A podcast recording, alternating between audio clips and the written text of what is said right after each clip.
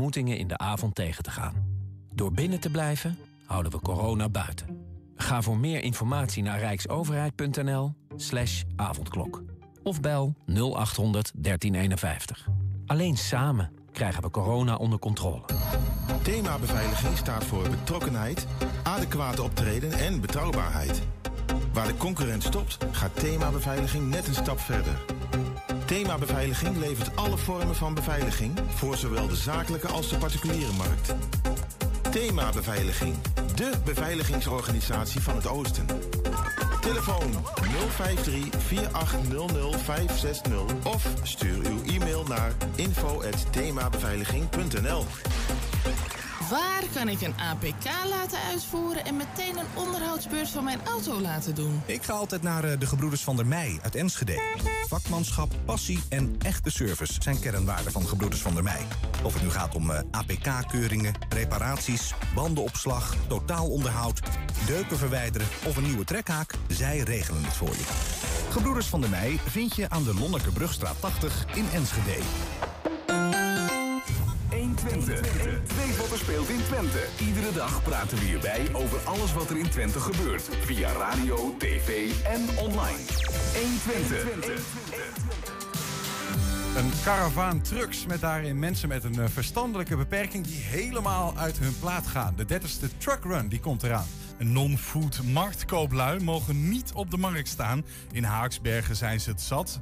Morgen staan ze er gewoon toch. Voor lokale bestuurders lijkt bedreiging en intimidatie een onderdeel van hun werk te worden. Oud-wethouder Jeroen Hatenboer die vertelt hoe hij met zijn ervaringen omging. En het sneeuw is gesmolten, de pollen waaien weer in het rond. En we vragen de hengeloers, heb jij de zomer in je bol? Het is uh, dinsdag 23 februari. Dit is 120 vandaag.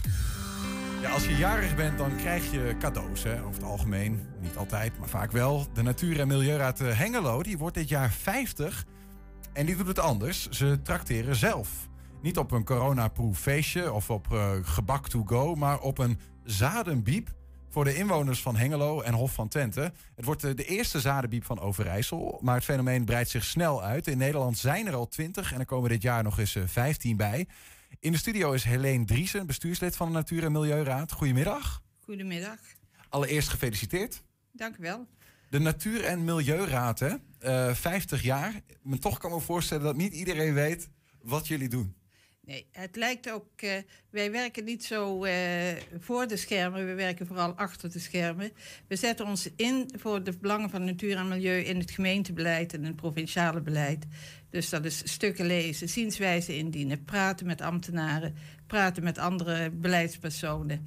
En zijn, jullie dan allemaal, zijn jullie allemaal experts? Of uh, dat jullie wat advies kunnen geven hier en daar? Ja, er zijn drie werkgroepen die uit experts bestaan. De werkgroep Natuur, de werkgroep Milieu en de werkgroep Ruimtelijke Ordening. Daarnaast hebben we nog een werkgroep eh, Communicatie. En daarboven staat een bestuur op afstand. Kijk aan. En, en bent u zelf dan ook uh, ontzettend, want u bent bestuursvoorzitter? Ja. Nee, ik ben, geen, ik ben geen bestuursvoorzitter. Ik ben wel bestuurslid. Bestuurslid, pardon. Maar bent u zelf ook heel erg natuurminded? Ik ben uh, zeer natuurminded. Ik heb een volkstuin en daar, uh, mijn handen jeuken alweer. en dat ook, en ook, ook eigenlijk van oudsher uit dan. Ja, lekker. Ja. Fijn hè, om dat zo uh, buiten ja. te zijn. Ja. Daar, we gaan het hebben over um, de zadenbiep... die jullie als soort van cadeau aan een aantal gemeenten willen, willen meegeven. wat, is, wat is het eigenlijk? Ik, ik heb er allerlei voorstellingen bij, maar die zijn vast niet goed. Uh, nou, er komt straks in de bibliotheek in april, uh, eind april, uh, in plaats van twee planken boeken, een, een, een, plank te staan met allemaal vakjes. En in die vakjes zitten hele kleine zaadjes met zaden. Als je die in de biep leent, dan kan dat. Dat leent tussen aanhalingstekens. Dan moet je ja. je naam en e-mailadres achterlaten. En van je wordt gevraagd om aan het eind van het seizoen ook wat zaden weer terug te brengen. Dat kunnen zaden zijn van de bloemen of de planten die, uh, die je gehaald hebt, die je opgehaald hebt. Maar dat kan ook wat anders zijn. Dus kan bijvoorbeeld, kunnen bijvoorbeeld ook goudbloemzaden zijn die overal uh, staan. Of die je bij je buurvrouw of buurvrouw kunt halen. Of die je van iemand anders krijgt. En dat zijn dan waarschijnlijk de, nooit dezelfde zaden die je opgehaald hebt, hè? Dat kan best wel een aantal dingen die groeien zo snel en die bloeien zo snel dat je in september eh, van sla bijvoorbeeld, of van radijsa, heb je gewoon eh, na, na drie, vier maanden heb je er al zaden van. Ja, oké. en dus- andere planten die, die, die hebben een kringloop van twee jaar en die hebben pas het jaar erop eh, zaad. Bijvoorbeeld peterselie of boerenkool. Daar heb je het tweede jaar pas zaad van. Ah, oké. Dus dan, dan kun je eigenlijk niet hetzelfde jaar eh, hetzelfde zaad überhaupt terugbrengen. Nee, dan kun je weer wat anders terugbrengen. Ja, ja, ja. En als je dat dan niet hebt?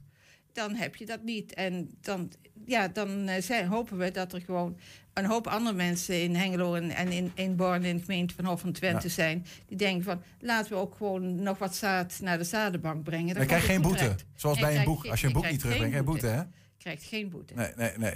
Wat een geinig idee. Is dit, eh, is, dit is, hè, er zijn er twintig in Nederland. Eh, Ja. zijn wij, lopen wij zo achter als Twente? Ehm, ik weet niet of wij achterlopen. Ehm, wij staan wel een beetje in de luwte altijd. Er zijn er overigens ook al een stuk of twintig in, in België en die draaien ook al heel goed. Ja, ja. Maar in Friesland eh, is dat al een jaar of drie geleden opgestart en, en uitgebreid en uitgebreid. En de bedoeling is dat dit, dit, dat dit, dat dit ook gewoon overal eh, in alle plaatsen waar een aantal groeperingen de schouders eronder willen zetten, dat het ook zo breed mogelijk verspreid wordt. Waarom juist dit cadeau? Ehm, dat heeft eh, voor een deel te maken met de coronacrisis en voor een deel met de, educatieve kant van het verhaal. We wilden een cadeau, eh, toen we met de jubileumcommissie eh, bezig waren, wilden we een cadeau voor de samenleving, een educatief cadeau geven. En we dachten dat gewoon vooral te gaan brengen in het onderwijs. Maar tegenwoordig moet je het onderwijs gewoon met rust laten.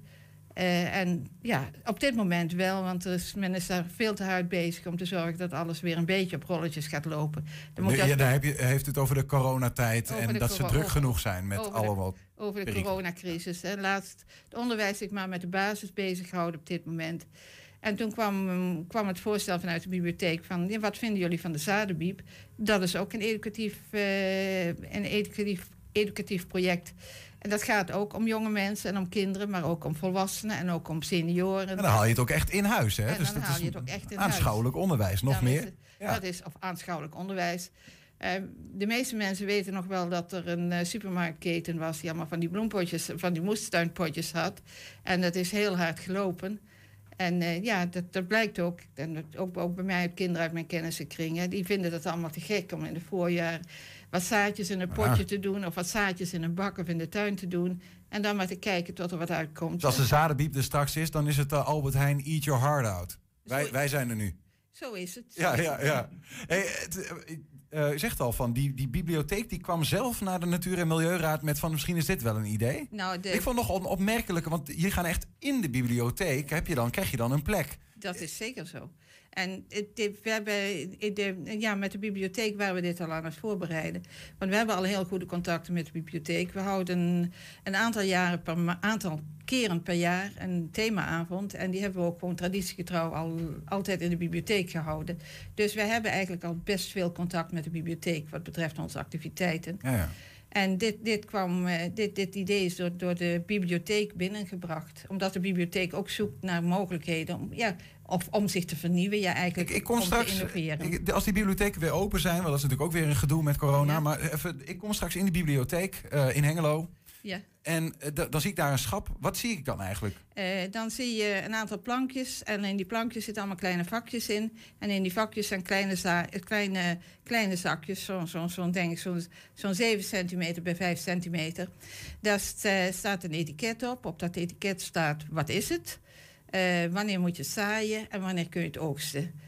En, en als het een bloem is, staat ook de kleur van de bloemen erop. Nou ja, en dan kan En- ik dan meenemen. Ja, die kun Zelf je dan eh, meenemen. in een potje doen Ja. thuis. Ja, en als je nou denkt van ja, hoe moet ik dat dan allemaal doen? Dan hoort daar een website bij.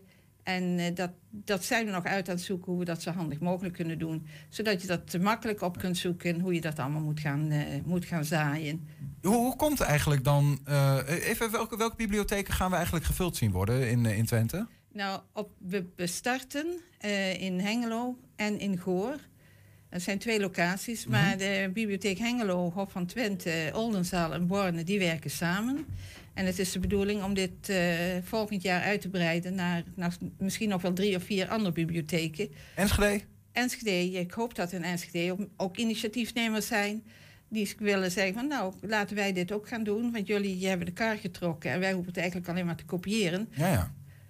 De- da- en dat is, dat, is, dat is dan ook heel prettig, dat, dat, er ergens, dat het ergens begint en dat het daarna gewoon eh, kan uitbreiden. Hoe komen die, die... Want je moet natuurlijk een begin-imperiumpje hebben, zeg maar. Hè, Ja. voor de, die, zodat mensen ook iets kunnen lenen Ja. uit die zadenbibliotheek. Hoe, hoe kom je daar dan eigenlijk aan? Eh, we hebben nu een oproep gedaan, eh, een persbericht uitgedaan eh, eh, aan mensen die zaden over hebben van het vorig jaar, of ze die in willen leveren.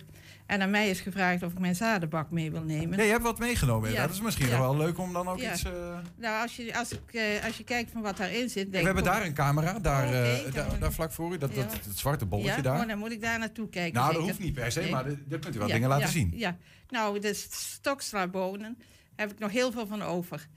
Ik kan dit jaar nog wel wat zaaien, maar dan heb ik er nog steeds over. Die kan ik gewoon beter De weggeven. stokslabonen? Stokslabonen, Nou, ja. Nou, dit was van bietjes. Die eh, had ik gezaaid omdat je dan gewoon dat loof, die blaadjes, die kun je in de sla doen. Die, deze, deze dingen gaan straks allemaal bijvoorbeeld ook in zo'n biep eh, dit, gaat allemaal, dit komt er allemaal in. Maar dit biep. kunnen mensen dus ook zelf aandragen ergens. Ah, nee, ik heb hier nog bloemetjes over. En volgens mij heb ik drie keer deze, bloem, deze bloemen gekocht. En deze zijn nog goed tot januari 2022. Dus ik denk ook, wat ga ik volgend jaar zaaien? Ik heb aan één zakje genoeg. Hè, laat ik de rest maar gewoon wegdoen, want dat wordt het toch niet. Ja, ja, ja. ja. Nou, dit hebben we voor onze buurvrouw gekocht. Die, Eh, Daar is de camera. ja, die, wil, die wilde graag meiraapjes. En ja, ik weet, niet, ik, ik weet niet wat dat zijn. Maar die hebben we toen voor haar gezaaid. En ze heeft er een paar keer uit de tuin gehaald. Nou, dit kan ook weg. Maar dit, dit laat u zien, omdat zeg maar, er kunnen mensen zijn die ook zaden hebben en die kunnen dat eh naar, die, naar die. Maar waar brengen ze dat dan eigenlijk naartoe? Ehm, wat, je- wat, wat je moet doen is eh, bijvoorbeeld iedereen zo'n envelopje in een, eh, in een gewone witte envelop doen. Daarop schrijven wat erin zit. De naam en je e-mailadres en je naam. Mhm. En eh, wat erin zit, de bloemetjes en dit zijn de kleur. Dus hier zou je moeten zeggen, dit is een roze stokroos. Ja, ja, precies. En dan eh, ga je naar de biep van Hengelo in, sta- in de stad, naar Delden of naar eh, Goor. Mhm. En dan stop je het daar in de brievenbus. Gewoon in de brievenbus, zo simpel Gewoon kan het zijn. Ja. ja. en, en wanneer gaan we de, onze zaden dan uitgestald zien worden? Want de bibliotheken zijn min of meer dicht, dacht ik Ja. toch? Ja.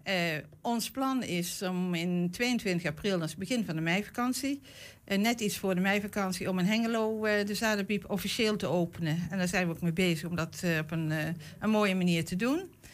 Ehm, als dat uitgesteld moet worden, dan wordt dat uitgesteld. We kunnen nog tot mei en juni uitstellen. Eh, want er valt in mei en in juni ook nog genoeg te zaaien. Maar redden die zaden dat wel, die daar dan liggen? Want ik kan me voorstellen dat die op een gegeven moment ook een keer, eh, als ze niet gezaaid worden, dat ze kapot gaan, toch? Nou, zaden eh, moeten goed bewaard worden. Die moeten droog en koel bewaard worden. Eh, en dit is een, wat had ik net? Een zakje. Die, die, nou, ik heb hier nog een zakje. Strobloemen. Die Ja. zijn goed tot 2023 en die heb ik Oh. vorig jaar gekocht. Oh. De meeste zaden zijn eh, Die houden wel even vol. twee, drie, vier jaar eh, goed. Dat zaad zit de coronacrisis wel uit. Dat, eh, dat, dat kan er wel tegen, ja. Kijk aan. En Ja. zo, zo, zo- zoals het zaad zeg maar, zich gaat uitspreiden, gaat ook de zadenbiep zich uitspreiden over Twente. Hoop ik wel, ja. Ja. Ik Nou, heb er wel veel vertrouwen in. nou, leuk fenomeen. Ik ben benieuwd wat het gaat worden. Helene Driessen van de Natuur- en Milieuraad. Dank voor de komst en voor de uitleg. Dank u wel. Voor mensen met een eh, verstandelijke beperking is het ieder jaar weer een feest. De Truck Run. Straks praten we over de 30ste editie met organisator Gerard Veldscholten. Maar eerst nog eventjes terug de natuur in. De jonge honden van 120 Hengelo, Stan en Hieke... struinen vanmiddag Hengelo af op zoek naar mensen die, die genieten van dit zomerse weer. Ja, wat doet dat zonnetje met hen en dromen ze al van vakantie? En hoe krijgen zij hun body in shape nu de sportscholen dichtzitten? Heeft u nou meer zin in de zomer of in de winter dat de sneeuw nog bij mogen blijven liggen? Nee, de zomer. Absoluut. Oh, ik vind het heerlijk. Fijn dat de lente weer kan eh, gaan beginnen. Ja, fantastisch natuurlijk. Beter kan niet. Nou, ik ben eh, blij met het mooie weer. Ja, super heerlijk. Het is al mooi weer, dus eh, ik hoop dat het zo blijft. Kunnen we er mooi van genieten. Als we weer vrij zijn, dan kunnen we op vakantie. En waar zou je dan naartoe willen? Mijn mooiste land is Griekenland. Duitsland, Zuid-Duitsland of Oostenrijk. Ibiza, ja. Favoriete plekje. Dus, eh, ja. Nou, we hadden er niks geboekt. Omdat je in coronatijd maar beter dan niet kunt boeken in deze tijden. Dus we hadden nog geen vakantie geboekt. Dus ook aan het tuinieren of? Ja, geweldig. Mooie plantjes weer in de tuin en in de bakken. Ja. Ben ik net mee bezig. Dus eh eerste mooie dagen, eh, dan moet je een beetje de tuin opknappen, hè? Werkt u nog voor de summerbody of gaat u dit jaar er niet voor? Ik doe mijn best. Nee, daar ben ik veel te oud voor. Ehm, nou, ja, tuurlijk. Wil iedereen toch? nee, nee. Ik hou het altijd een beetje bij. En eh, de ene keer meer, de andere keer minder. Het is maar net waar je lekker voelt, denk ik dan. En eh, zou u nog tips hebben voor de mensen die echt aan een summerbody dit jaar willen werken? Of aangezien de sportscholen dicht zitten? Ja, gewoon lekker lopen, wandelen. Dat is het mooiste wat er is. En dat doet je lichaam goed. Nou ja, ik denk dat het belangrijk is dat je altijd eh, blijft bewegen. En eh, hè, of het nou zomer of winter is. Dus eh, Ja, oppassen in het voorjaar, want eh, de zon die in het voorjaar is de scherpste. Dus eh, je verbrandt het het meest in het voorjaar. Dus eh, rustig beginnen. Goed smeren natuurlijk. Biertje erbij, altijd goed. Klinkt goed. Ja, zeker. Heb jij, ben jij al summer ready, uh, Julian? Eh, ik, ben, eh, eh, ik heb wel een soort van summer gevoel. Maar dat komt omdat ik gewoon heel veel zin heb in een lekker zonnetje, 23 graden. Maar die komt niet door je body? Oh, ik, ik krijg er nu al warm van. Nee, nee. Eh, nee, Niels, eh, alles zit dicht, hè? Dus, eh, Ja, ja, gooi het daar maar op. Ja. ik ben gewoon te lui om naar buiten te gaan. Nee, maakt ook niet uit. Marktkooplui die geen etenswaar verkopen, mogen niet op de markt staan. Ja, in Haaksbergen zijn ze het zat. Morgen staan ze er gewoon. Zometeen legt Peter Reuding uit waarom. En het duurt nog even, maar op eh, 12 juni organiseert de Twentse Zorgcentra samen met de Tucker Truckers voor de dertigste keer de Truck Run. Mensen met een eh, verstandelijke beperking die gaan dan op die dag als bijrijder mee in een van de vrachtwagens. 2018 zijn we er al een keer bij geweest.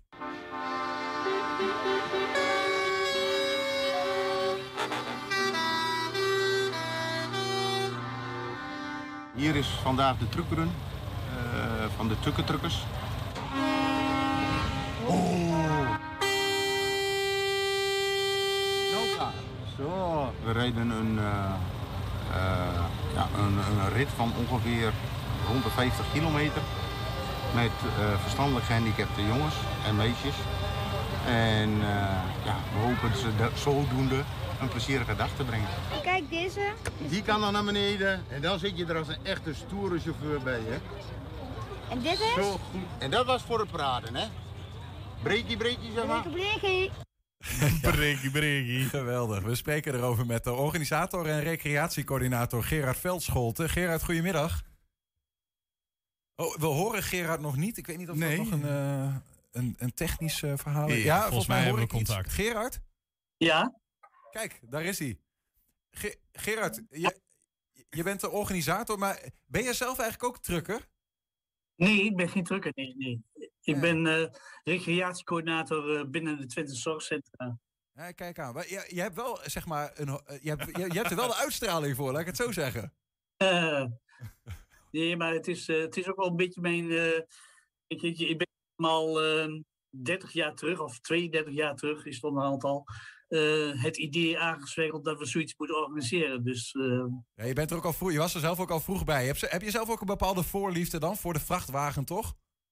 Nou, dat iets minder, maar eh, het is gewoon een schitterend spektakel. eh, hoe, je, hoe je met weinig, eh, ja, eigenlijk iets weinigs, eh, heel veel mensen heel blij kunt maken. Ja, ja. eh. Hey, het is eh, 12 juni weer zover eh, dit jaar. Nou is het nu eh, 23 februari. Beginnen jullie altijd zo vroeg met die organisator, eh, organisatie?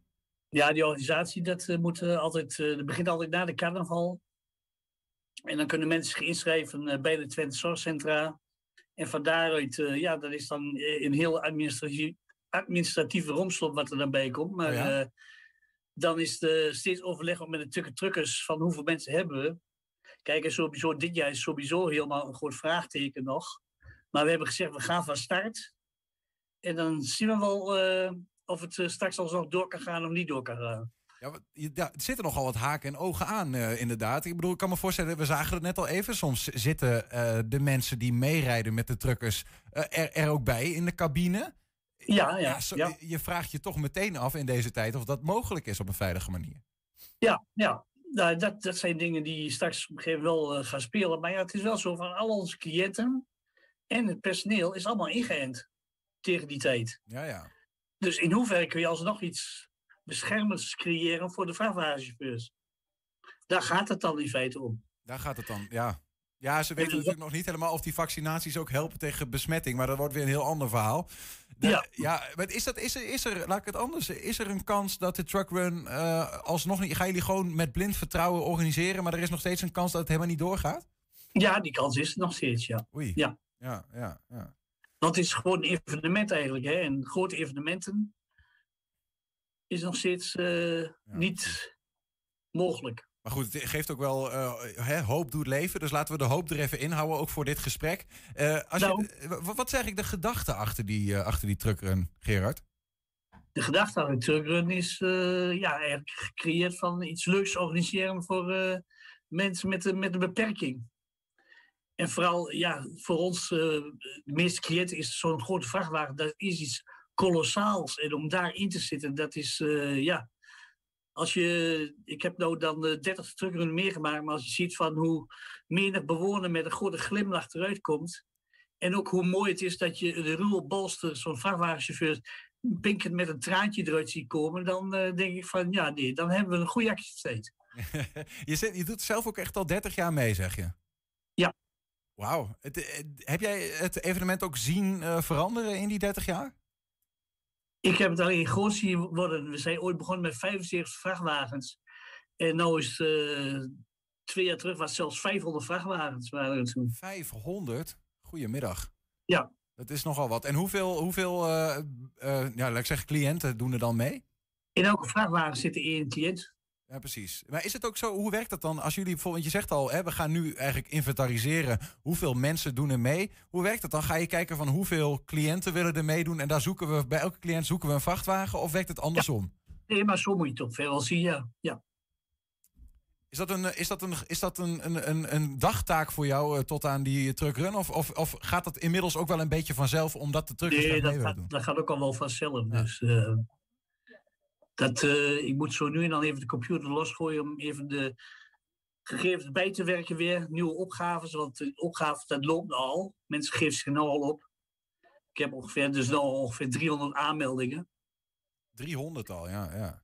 Zijn, het elk Dus, jaar, zijn, zijn dat elk jaar dezelfde eigenlijk? eh, Qua cliënten en, en truckers? Of, Ja, ja dat, dat, dat truckers verschilt toch wel, maar ja, bij ons cliënteel is het toch wel zo. En, en de andere deelnemers van, ja, er komen steeds toch wel nieuwe bij en vallen ook wel steeds mensen vooraf.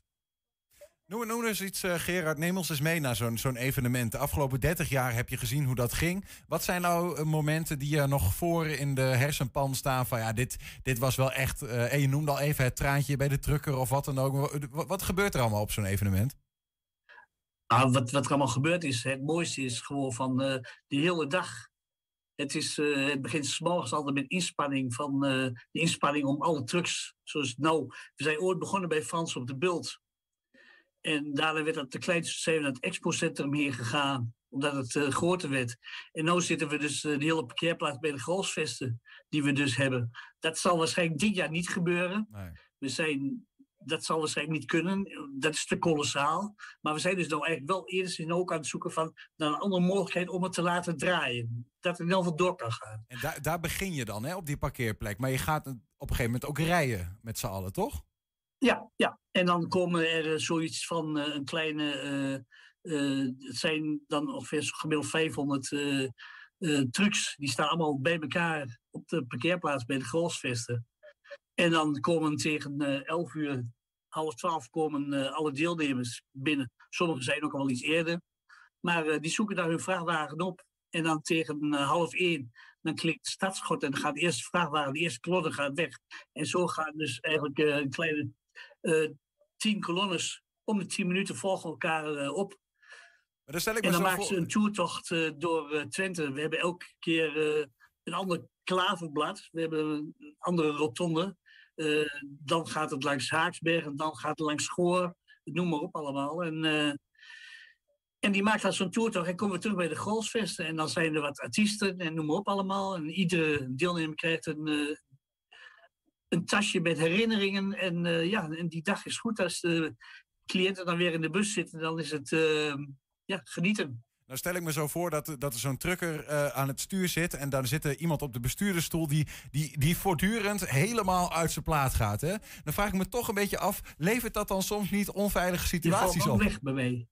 Oh, eh, ik, ik vroeg me af of eh, als er zo cliënt op de bijrijdersstoel zit... die dan helemaal uit zijn plaat gaat... of dat niet wel eens onveilige situaties heeft opgeleverd. Ik heb het niet helemaal verstaan. Je viel even weg bij mij. Ik vroeg mij af of als er een cliënt die helemaal uit zijn dak gaat... op die bijrijdersstoel zit... of het dan niet wel eens onveilige situaties oplevert. Nee, ik versta je nog steeds niet. Misschien moet ik een andere vraag stellen. Eh, Gerard, dit jaar het jubileum. Eh, eh, Gaat er nog iets bijzonders gebeuren? Of als het al doorgaat? We, zijn, we, zijn er, we liggen er helemaal af. Ja, ik hoor alleen zo nu al een, een, bibberig geluidje van jouw kant. eh. Ja, dat, dat bibberige geluidje is mijn collega Julian. Die houdt het niet meer nu. Nee, maar als, als de verbinding niet meer goed is, Gerard... dan moeten we het gesprek eh, denk ik bij deze gaan afronden. Ja, lijkt me goed. Ah, je, je hoort me nu wel weer? In ieder geval jullie bedankt voor jullie eh, inzet. Ja.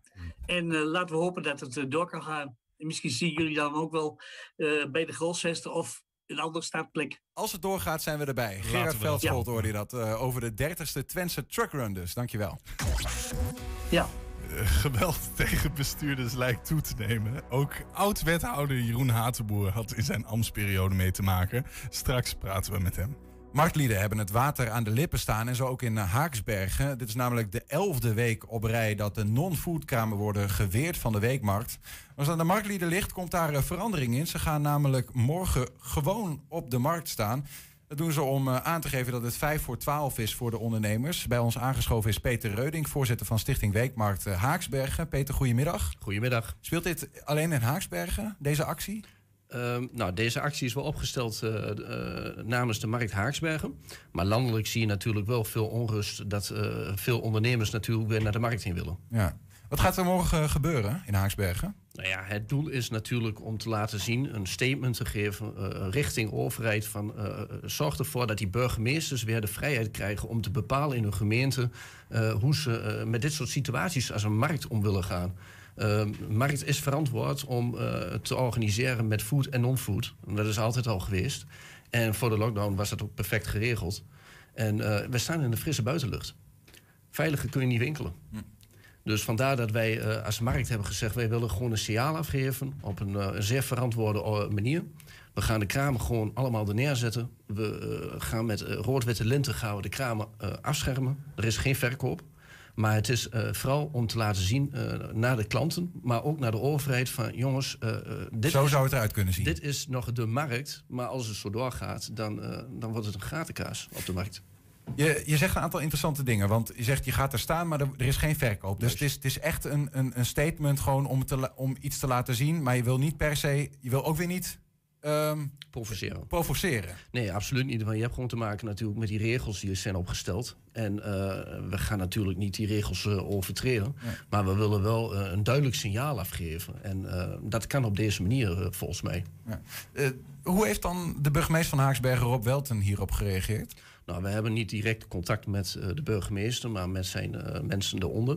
En daar hebben we in goed overleg hebben we dit allemaal goed besproken. Van, eh, dat we dus op een veilige manier deze markt willen organiseren en, deze- en, en een statement willen Is het afgeven. toegestaan? Ja, we hebben dit vrijdag ingediend. En maandag kregen wij het signaal van dat we dus op, een, op deze manier een statement mogen geven. Maar dat er dus geen verkoop plaats mag vinden. Ja, ja.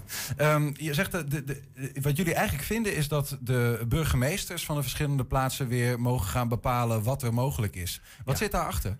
Nou, daar zit de volgende achter. Kijk, eh, landelijk wordt er eh, gezegd dat eh, de non-food niet op de markt mag staan.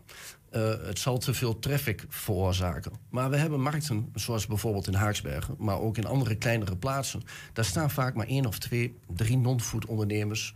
Of misschien een paar meer, maar er is voldoende ruimte om die markt te organiseren. Je hebt gewoon heel veel markten in Nederland waar het gewoon veilig kan.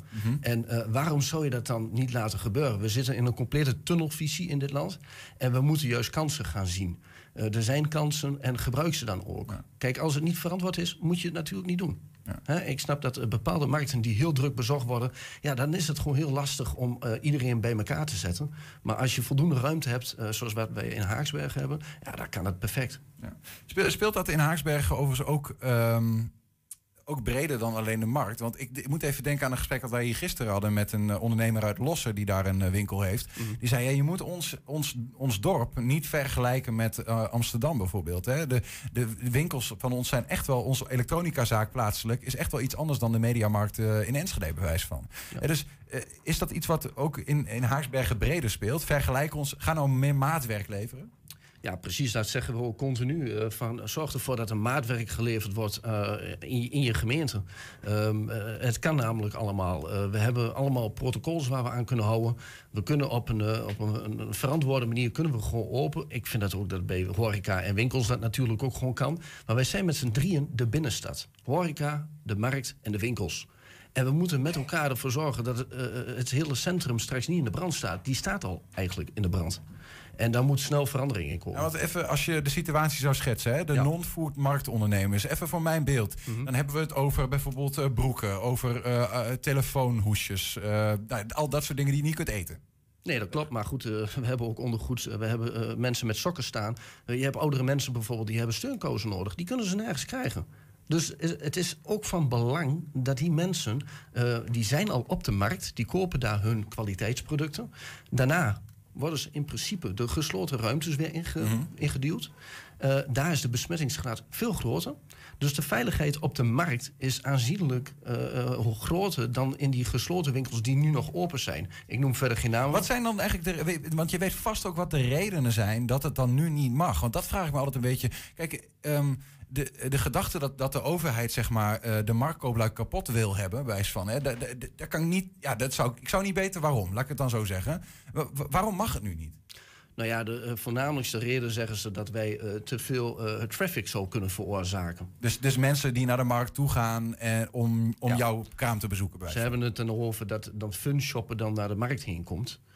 Ja, daar ben ik het gewoon absoluut niet mee eens. Kijk, Hoe kom je daarbij dat je het er niet mee eens bent? Nou, omdat ik vind dat de funshoppen, eh, die funshoppen die gaat nu ook naar drogisterijwinkels heen om hun non-food producten te halen. En dat kan wel. En nogmaals, wij staan in de frisse buitenlucht. En dat vind ik het sterkste argument waarom wij als markt gewoon in zijn algeheel open moeten. En, en niet alleen in Haaksbergen, maar gewoon in heel Nederland. Ja. Wordt dat gehoord, die, die roep? Nou ja, wij eh, schrijven eh, verschillende brandbrieven vanuit de brandsverenigingen richting ministeries. Eh, dat is eh, wat we eh, kunnen doen op eh, landelijk niveau. Praten met de politiek. Maar eh, ja, het is gewoon heel erg lastig om het duidelijk te geven eh, richting regering dat wij op een verantwoorde manier eh, open kunnen. En daarom zeggen wij ook van wij moeten gewoon met deze, dit signaal wat we als markt willen gaan doen, willen we de media willen we erbij hebben. En, en dat het dus hè, wordt geëtaleerd. Ja, maar ik kan natuurlijk ook voorstellen, jullie staan daar morgen met die kramen en Ja. je laat dan in praktijk zien, zo zou het eruit zien. Juist. En misschien ook wel, dit zijn de kramen, dat als we niks doen, dat, ze, dat er een aantal van eh, in, de, in de toekomst misschien wel niet meer zullen staan. Ik wil het niet zo ver brengen, maar dat zou kunnen. Maar je kunt daar natuurlijk niet aan zien, ehm, dit is veilig.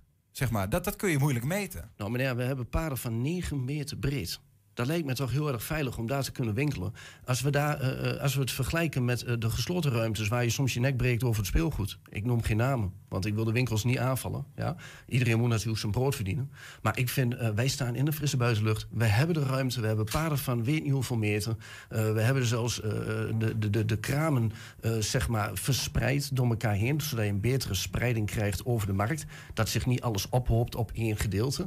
Dus overal wordt over nagedacht. We hebben digitale vakdagen gehad eh, vanuit onze brandsvereniging. Nou ja, daar, daar zie je de meest leuke voorbeelden hoe je het veilig voor je kraam kunt organiseren. Dus ja, eh, het is allemaal heel erg eh, duidelijk voor iedereen hoe ze ermee om moeten gaan. En je moet ook de ondernemer daarin het vertrouwen geven. Want eh, bij heel veel ondernemers staat het water echt letterlijk aan hun lippen. En dat is gewoon een hele treurige zaak. Ik zie het om me heen. Ik sta er midden tussenin. Ik krijg continu, elke dag krijg ik telefoontjes ook van andere collega's. En die weten het gewoon niet meer. Die zeggen van, ik heb de wintergoeden, eh, wintergoed heb ik nog in de handel. Of in, de, in mijn kraam hangen. En daar zit al mijn geld in. Dat verdampt. Ik kan geen nieuw zomergoed halen. Nou, dat is toch terug. Er zijn mensen die misschien al wel tientallen jaren op de markt staan. En dat gaat gewoon om, eh, om grote bedragen. En vaak ook gewoon spaargeld die er nou aangaat. Die de mensen zouden kunnen gebruiken voor hun pensioen. Dus eh, we, we hebben Steun echt- vanuit de regering is niet genoeg. Nee. Er moet nee, echt... dat is helemaal niet voldoende. Kijk, eh, ze komen wel met TFL-regelingen, noem maar allemaal op. Eh, maar goed, er is veel meer dan alleen dat. Dus ja, dit, dit, dit- we moeten gewoon open. En dat is gewoon helder. En dat signaal gaan we morgen afgeven. En, eh, Als het nou, als het nou morgen, dan, dan doen jullie dat. De media komt erbij ehm, en die zien jullie actie. Eh, maar het bericht is, ja, het is heel schrijnend en vervelend, maar we, kunnen, we, we gaan er niks mee doen. Nou ja, de, de, de geest is al uit zijn fles nu. Hè? Ik bedoel, we, we tonen het aan dat het kan. En eh, laten ze maar eens een keer met een reactie komen vanuit de overheid... waarom hun denken dat het niet kan. Ja, mis je die inhoudelijke reactie? Nou, ik vind van wel. Want eh, kijk, eh, je kunt inderdaad, wat ik al voorstel... je kunt die burgemeesters kun je natuurlijk de ruimte geven... om dat zelf te gaan bepalen. En, en dat is wat er moet gebeuren. Ik vind, in Den Haag kunnen ze niet zien hoe het in, in Haaksbergen bijvoorbeeld is. Weet je eigenlijk wat de, wat de burgemeester van Haaksbergen zou doen als hij zelf de ruimte zou krijgen? Nou ja, wij zijn wel in heel goed contact met de gemeente. En eh, die heeft eh, de aller, ehm, zeker heel veel belang erbij dat de markt ook intact, intact blijft. Want woensdags is vaak wel een van de drukste dagen voor het, eh, voor, voor het centrum van Haaksbergen. Dus ja, ik ga ervan uit als hij de ruimte krijgt. Hij, hij, toont nu ook de vertrouwen in principe uit dat we deze statement kunnen maken. Mhm. Dus ja, de, de markt zou die zeker niet ja, de- tegenhouden. Daar geloof ik niks van. Stel dat, dat, je, dat je, je gaat het doen en er komt eh, wat jullie betreft geen, geen reactie die voldoende is. Ja. Eh, volgen er dan meer acties? Nou ja, goed, eh, je hoort in het hele land wel in, in verschillende WhatsApp-groepen en, en ook op Facebook dat het begint te broeien bij de ondernemers. Het wordt mooi weer, mensen willen naar buiten nee. En het wordt gewoon hoogste tijd dat we dus deze versoepeling gaan indienen. Ja, dit is het moment dat mensen weer naar die markt moeten mogen. Nou ja, de markt had helemaal sowieso niet dicht gemogen. Absoluut niet. Wij staan buiten in de frisse buitenlucht. Ze mogen, kijk, de markt is één en ondeelbaar. Daar was het altijd geweest. Maar ze hebben een splitsing gemaakt tussen de food en de non-food. En dat hadden ze nooit mogen doen. Wij zijn als markt één. En eh, een supermarkt splits je ook niet op. Ze zetten nu ook eh, de non-food producten niet af met, eh, eh, met linten. Dat is ook gewoon allemaal bereikbaar voor de consument. Ja. Morgenochtend, hoe laat... eh, hoe, wat is, de markt is iets heel vroegs. Hoe laat ga je Ah, er staan? wel mee. U mag vanaf eh 8 uur ons eh, bezoeken. Kijk. En eh, we zijn tot 1 uur zijn we geopend. Ja. En eh, we hebben fantastische producten, dus ik zou zeggen, kom langs. Wat verkoop je zelf eigenlijk? Ik verkoop zelfs, eh, zelf alles op print, telefoon en tabletgebied. Kijk aan. Ja. Dus eh, morgen vanaf 8 uur dan ga je zien in Haaksbergen nou, hoe ze het eh, zouden, voor zich zouden willen zien. Ja, maar kom wel alleen. Hou afstand. En als je langskomt, eh altijd lachen, want het is altijd gezellig op de markt. Duidelijk. Peter Reuding, dankjewel. Dank u. Ja, de kappers mogen weer open. Nou ja, waarschijnlijk dan. En voor de eh, goed oplettende kijkers dus had je de coronakapsels bij Niels en mij al lang gezien. Maar de kappers bereiden zich nu in alle hevigheid weer voor op wat er eh, misschien komen gaat. Zometeen gaan we daar even over praten. Agressie, bedreigingen en geweld, daar gaan we nu over hebben. Het lijken steeds normalere omgangsvormen te worden. Zelfs ambulancepersoneel die wordt eh, getraind om ermee om te gaan. We zien het wel eens. Gisteren zond de NPO een tweedok-film uit... waarin eh, onder andere Jurgen van Hout, wethouder in Enschede... vertelt over ervaringen die hij had rond de mogelijke komst van een AZC. Want ook voor bestuurders is het onderhand onderdeel van hun ambt.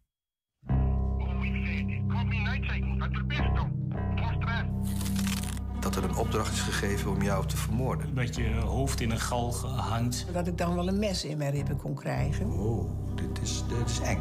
Die persoonlijke haat die dan van dat papier afspat. En dat wil ik dus niet. Degene met de grootste knuppel, die wint dan altijd.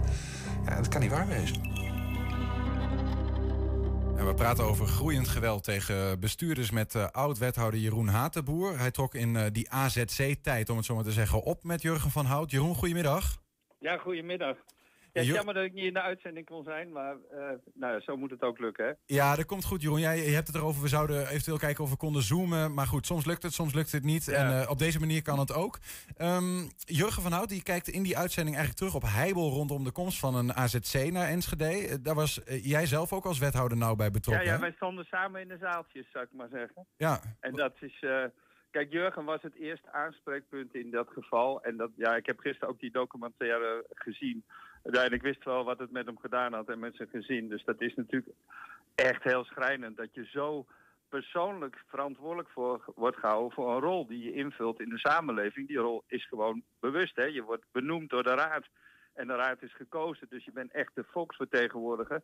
En je wordt geacht eh, ook niet leuke dingen gewoon voor het, en over het voetlicht te brengen. En dat is hier wel heel erg eh, een beetje uit de hand gelopen. Ja, wat, wat, wat maakte jij zelf? Want je zegt al, je stond samen met Van Hout in die zaaltjes. Eh, hè, we kennen bijvoorbeeld Dolvia tegen gemeente die daar heel scherp in was. Ehm, wat, wat maakte jij mee? Ja, we gingen samen naar Dolvia, naar het, het, wijkgebouw. Dat was toen nog in de kei. Ja, en dat, de zaal was te klein en de emotie was te groot. Dus ik vind dat niet maatgevend, zeg maar, voor eh, wat daar gebeurt. Nee. Maar wat Jurgen daarna meegemaakt heeft eh, op dit dossier, dat was echt schrijnend. Dus eh, kijk, je, je staat gewoon het verhaal uit te leggen en je probeert met een zaal in gesprek te gaan. Dat deden wij samen in, nou ja, kijk, de mensen willen sowieso niet horen wat je te zeggen, hebben, te zeggen hebt. Want ja, hij zei het gisteren in die uitzending ook. Die mededeling was uitgelekt. We konden het niet eens zelf vertellen. Dus het, iedereen wist al waar het over ging. Dus je staat al met 10-0 achter. Maar goed, het feit dat mensen zo het persoonlijk maken, dat is wel echt heel eng. Ja. En door de sociale media nou, weten we inmiddels wel wat er allemaal gebeurt en hoe anoniem mensen wat eh, over je kunnen zeggen. Ik heb zelf het meegemaakt eh, in het stadhuis bij een bijeenkomst over de moskee. Dat was een voorlichtingsavond. Ja, daar gingen mensen ook helemaal over de rooien. En toen heb ik ook op een gegeven moment gezegd tot hier en niet verder. Eh, nou, dat heeft wel tot, eh, in ieder geval in mijn geval, geleid tot excuses van mensen die mij later ook echt via berichtjes wel excuus maakten dat dat natuurlijk niet de bedoeling is en dat dat echt niet kan. Hou, hou, Maar hou ik het even moet- vast, eh, Jeroen. Want eh, het Ja? incident waar jij het over hebt, tenminste één van de incidenten, eh, die plon- vond plaats in, het, eh, in de burgerzaal van het gemeentehuis. Ja, daar, daar, hebben we wat beelden van. Blijf even Heb hangen, dan kijken we er even van? naar. Dan krijg je een beetje een idee. Heb ik gelijk op die mensen? Dan moeten eerst de mensen die daar in de buurt wonen, die daar ook gewoond Heel hebben, van tevoren inschakelen. En zeggen van, wij gaan daar een moskee neerzetten, dan gaan ze ook niet bouwen daar. Meneer, dat is precies wat Gaat u het verschil beta- betalen? Zometeen als de huizen kladderen, zeg maar, maar. Gaan de- Als de huizen wie gaat dat betalen? Ik De mensen zelf. Ja, die werken keihard voor. U laat niks Ja. uitpraten. U doet dat Ja. via de, lang, de geleidelijkheid. u het. Het zijn allemaal gemene smoesjes wat u brengt. Ja. Ik wil graag even wat anders. Het, eh, beelden van RTVO zag je. Herinner je, herinner je je dit moment nog goed, eh, Jeroen? Ja, dit zijn dingen die vergeet je leven natuurlijk Nee. niet meer. Eh, dat is, eh, kijk, ik kan heel goed eh, tegen dit soort dingen hoor. Maar ik werd er pas achteraf van bewust. Ik werd daarna geïnterviewd. En mijn zoon was toen op vakantie. En die had dat filmpje gezien. Die belde mij op. Pa, is het wel goed met je? Hm. En dat was eigenlijk, die zag aan mijn gezicht dat het mij zo diep geraakt had dat mensen je uitmaken voor oplichten. En Nou ja, je, nou, je hebt net kunnen horen wat er allemaal. Dus dat, toen heb ik ook gezegd, oké, degene die kan bewijzen dat ik eh, omgekocht ben en wat voor dingen, die meldt zich daar. Maar dan treed ik direct af, want het is gewoon natuurlijk onzin. Maar is dit, is dit Jeroen, is dit iets... wa- wa- Want wat we hier bijvoorbeeld eh, zien in, dat, in, dat, in die burgerzaal... is ook gewoon zijn, zijn verhitte emoties. Die kunnen er soms ook zijn. Ehm, eh, wanneer, wat, is, wa- wat is volgens jou eigenlijk de grens? Want dit is een, kan ook een verhit was, debat zijn. Dit en was het- de grens. Ik heb ook de zaal wel weer stilgekregen, eerlijk gezegd. Dat, dat stukje heb je niet, maar de- uiteindelijk ging het goed en keerde de rust weer. Dat kost echt heel erg veel energie, dat is hard werken. Maar kijk, wat je, wat je niet ziet en waar Jurgen ook zo'n last van heeft gehad, is al die berichtjes. Ik heb hier, toevallig heb ik vanochtend nog aan iemand laten zien. Ik krijg nog steeds post van mensen die ergens niet mee eens zijn. En dan denken dat ik nog wethouder ben. Dus dan, ze weten waar je woont, maar ze zetten nooit hun naam eronder. En dat is heel erg vervelend. Het anonieme wat je, eh, waar je mee te maken hebt, dat is gewoon heel erg bedreigend. Hoe ga je daarmee Ja. om? Hoe ga je, want je, uiteindelijk moet je als wethouder proberen enigszins je rug recht te houden en te staan voor het beleid wat je wil doorvoeren. Eh, kijk, in de, in de gemeenteraadzaal wordt er gewoon hard tegen hard gesproken. Maar als dat, eh, eh, ja, als dat anoniem gebeurt en op manieren die echt ehm, Ja. ja, vervelend worden. Nou ja, je hebt gisteren gezien, eh, als er iemand zijn rug recht gehouden heeft in dit dossier, is het Jurgen wel. Eh, met de moskee is mij hetzelfde overkomen. Ja, je moet gewoon, je staat, als jij gelooft in de publieke zaak, en daar geloof ik nog steeds heilig in, dan moet je gewoon je rug recht houden. En dan kan je, kan je gewoon niet accepteren dat dit soort dingen gebeuren. Dus je moet daar ook echt je grenzen in stellen. Ik moet zeggen dat ik goed ondersteund ben, ook in die tijd door zowel de politie als de burgemeester. En die, Nou, die zijn ook, eh, die proberen echt zorgzaam voor je te zijn. Ik had gisteren nog even met Jurgen ook erover geappt. Ja, wij stonden elkaar ook wel half in die tijd. Dat moet je ook doen. Je hebt echt al je directe collega's nodig eh, om je rug recht te kunnen houden. Eh, en kijk, mijn zoon die werd ook bedreigd bij McDonald's. Van jouw vader die doet dit en dat. Dan komt het heel erg dichtbij. Hè? Ja. Dat is heel erg vervelend. Hij kan er niks aan doen. Hij kan er niks aan doen. Hij, hij werkte eh, ook ergens. Ja, dan gingen ze in de pauze ook tegen hem aan zitten te zeuren. Ja, dat vind ik echt over de grens. Heb jij een Nee, moment getwijfeld of je, of je, of je de, de handdoek in de ring moest gooien? Om dit soort Nee, dingen? nooit. Nee, geen moment. Nee, ik vind echt dat je... en nogmaals, ik geloof heel erg in de publieke zaak. Ik vind echt dat je... Je doet het niet voor niks.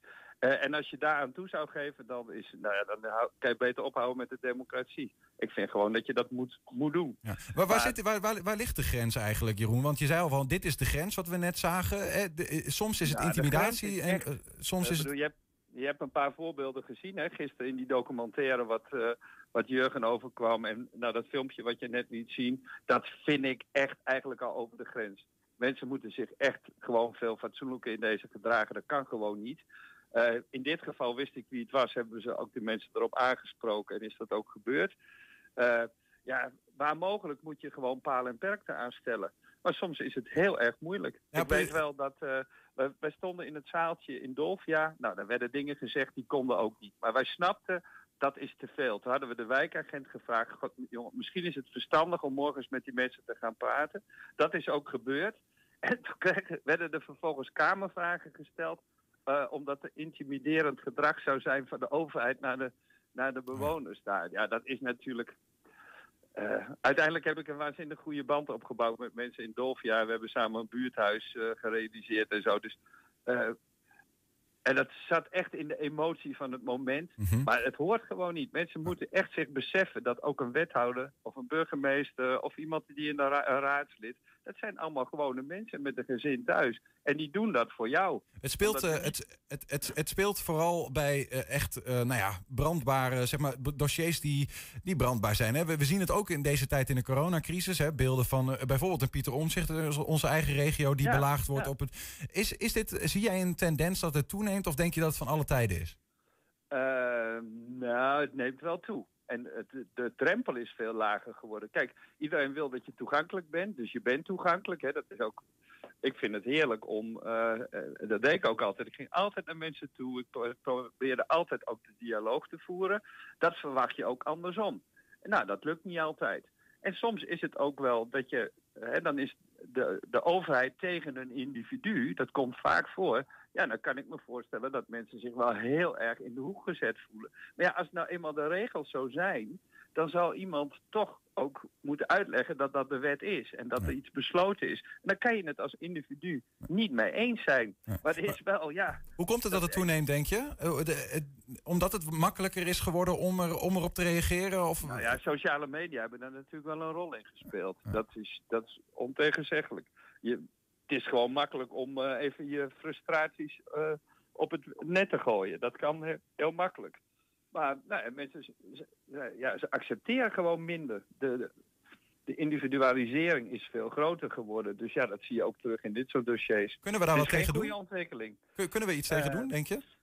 Uh, nee, ja, je moet met elkaar in ieder geval altijd het gesprek erover blijven voeren. En als het voorkomt, dan moet je het echt bespreekbaar maken. Ik was op zich ook blij met uh, die wethouders die dat ook, hè, zoals Jurgen gisteren, die dat publiekelijk uh, durft te vertellen wat hem overkomen is. En wat hem, wat hem ook zo geraakt heeft. Dat hij in de raadcel staat en dat thuis uh, ze met vuurwerk bij hem voor de deur staan waar zijn vrouw en kinderen thuis zijn. Dat kan gewoon niet.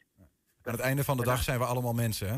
Ja, precies. Dat is echt wat het is. En daar, je moet ontzettend voor oppassen dat je die grens niet overschrijdt. Ja, ja nou, daar helpt niks anders aan dan, het, als het voorkomt, bespreek het met elkaar.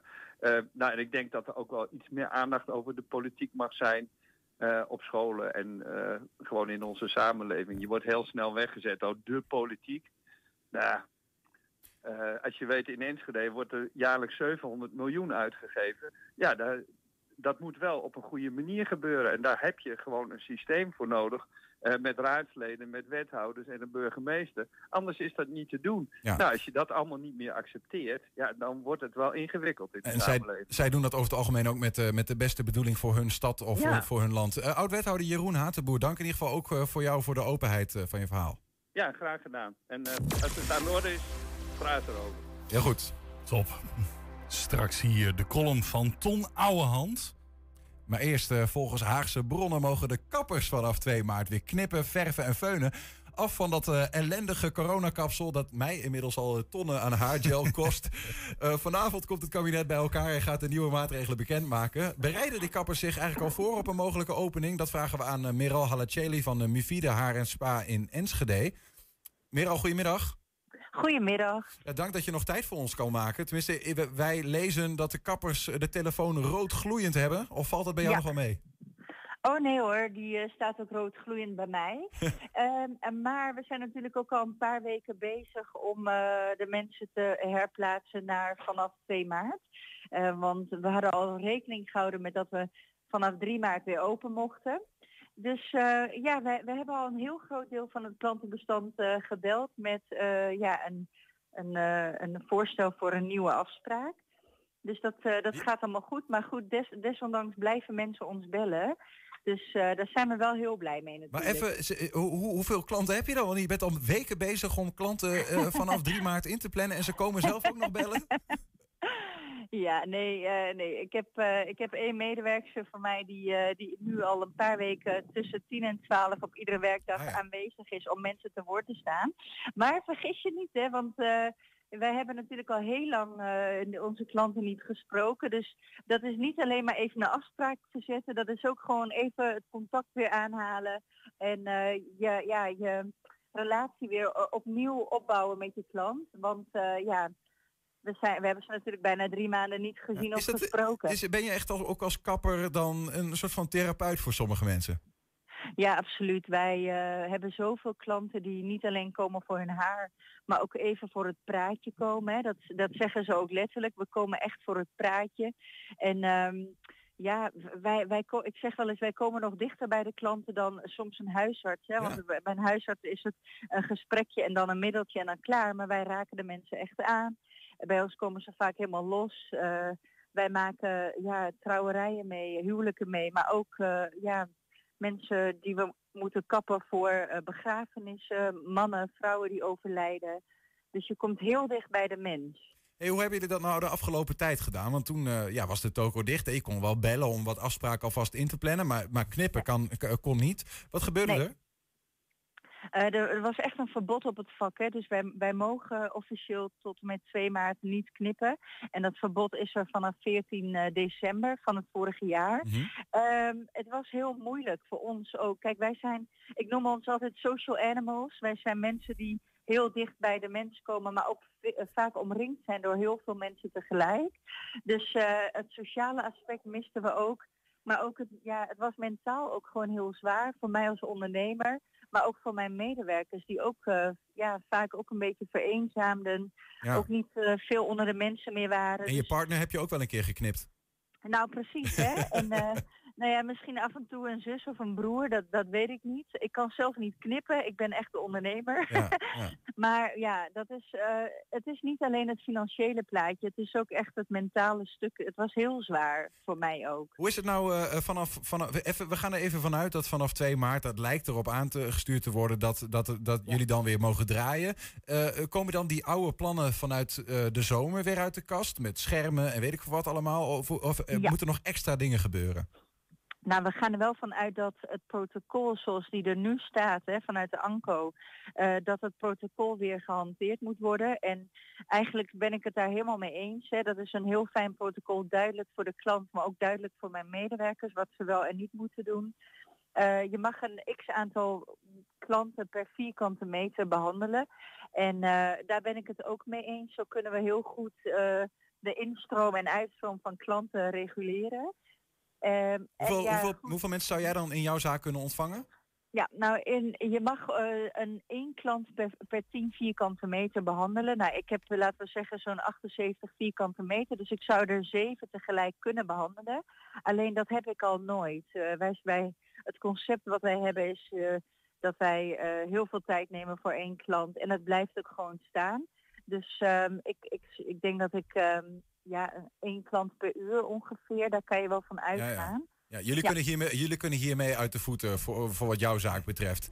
Eh, jawel. Nou, nou, nou heb je, jullie hebben niet alleen een kapperszaak, maar ook een soort van spa-wellness eh? Als in Enschede in ieder Ja. geval. De, dat, Moet dat gedeelte van de winkel dan dicht blijven of kun, die kan die dan ook meteen open? Die, die blijft voorlopig dicht. En dat heeft te maken met dat er over die branche, dat is weer, dat valt weer onder de andere CAO, maar ja, daar is nu nog niet zoveel bekend. Is dat lastig voor Eh, jullie in de, in de bedrijfsvoering? Of, of, of is dat gewoon ook gescheiden als het gaat om medewerkers, dat soort dingen?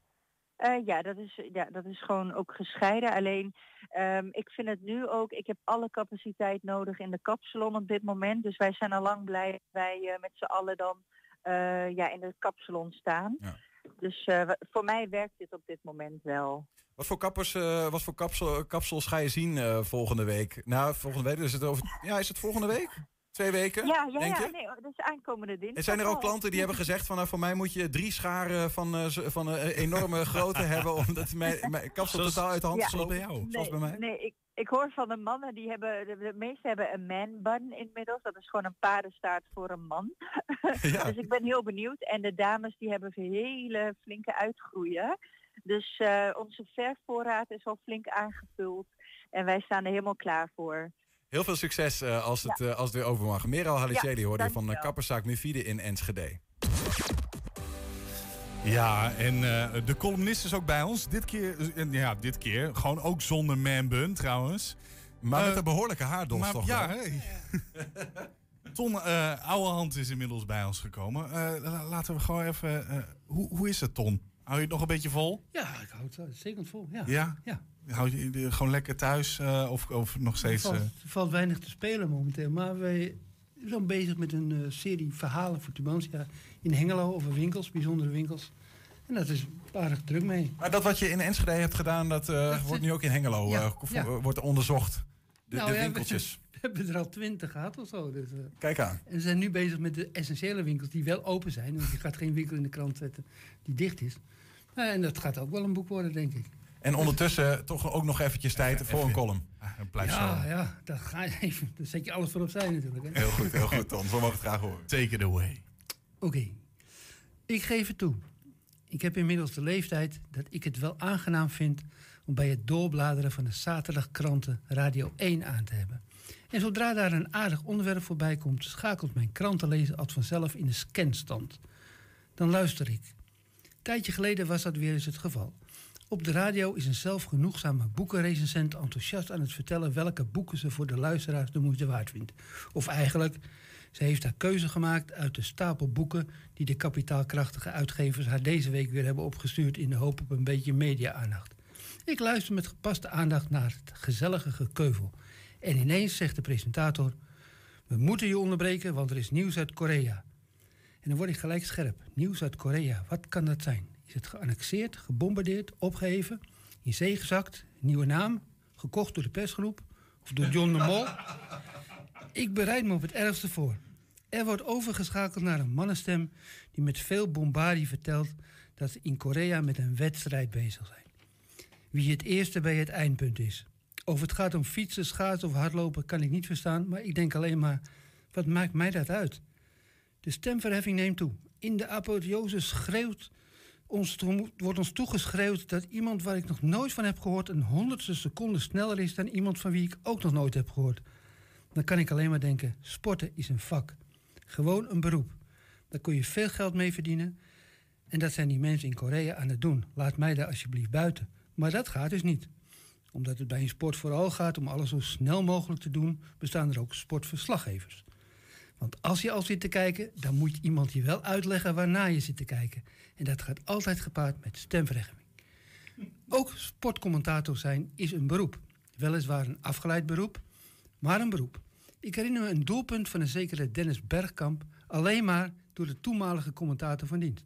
Die vatte de kennelijk bijzondere sportieve actie samen met de woorden: Dennis Bergkamp, Dennis Bergkamp, Dennis Bergkamp, Dennis Bergkamp, oh Dennis Bergkamp. En dan nog een keer of 25.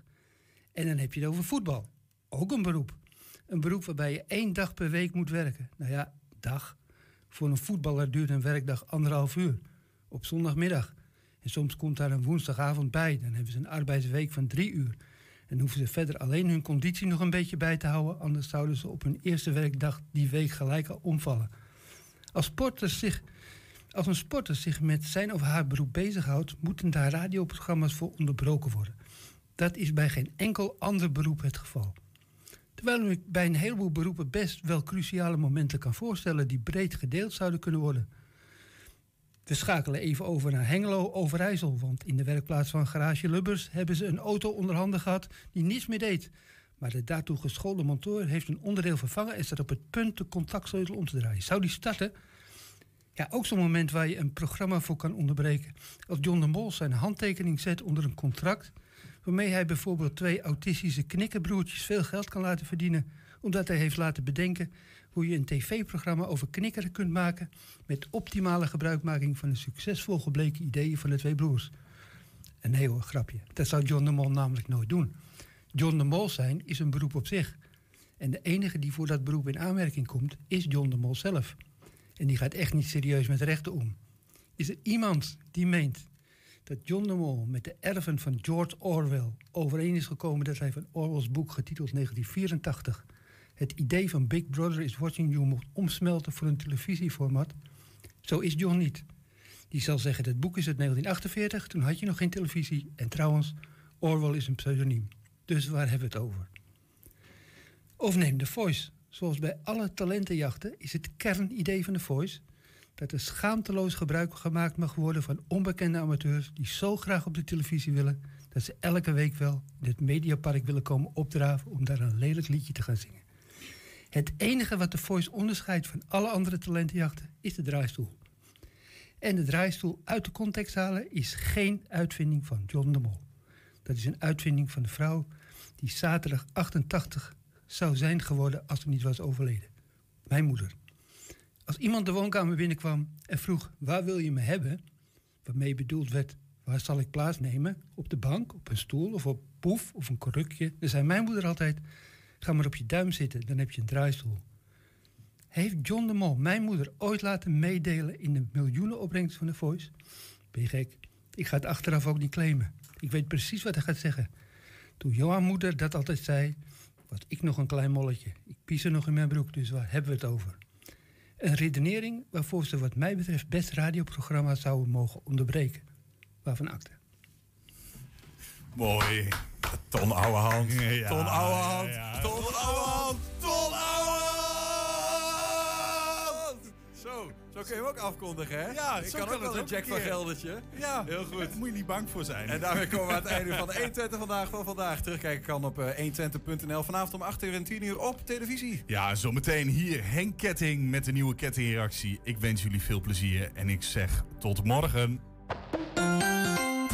Vrijdag 12 maart gaan we weer goed fout op Foute Vrijdag. Met in de studio Johan Fleming. Jessie Ariaan. Handen draag. Harm Spang. En Stef Eckel.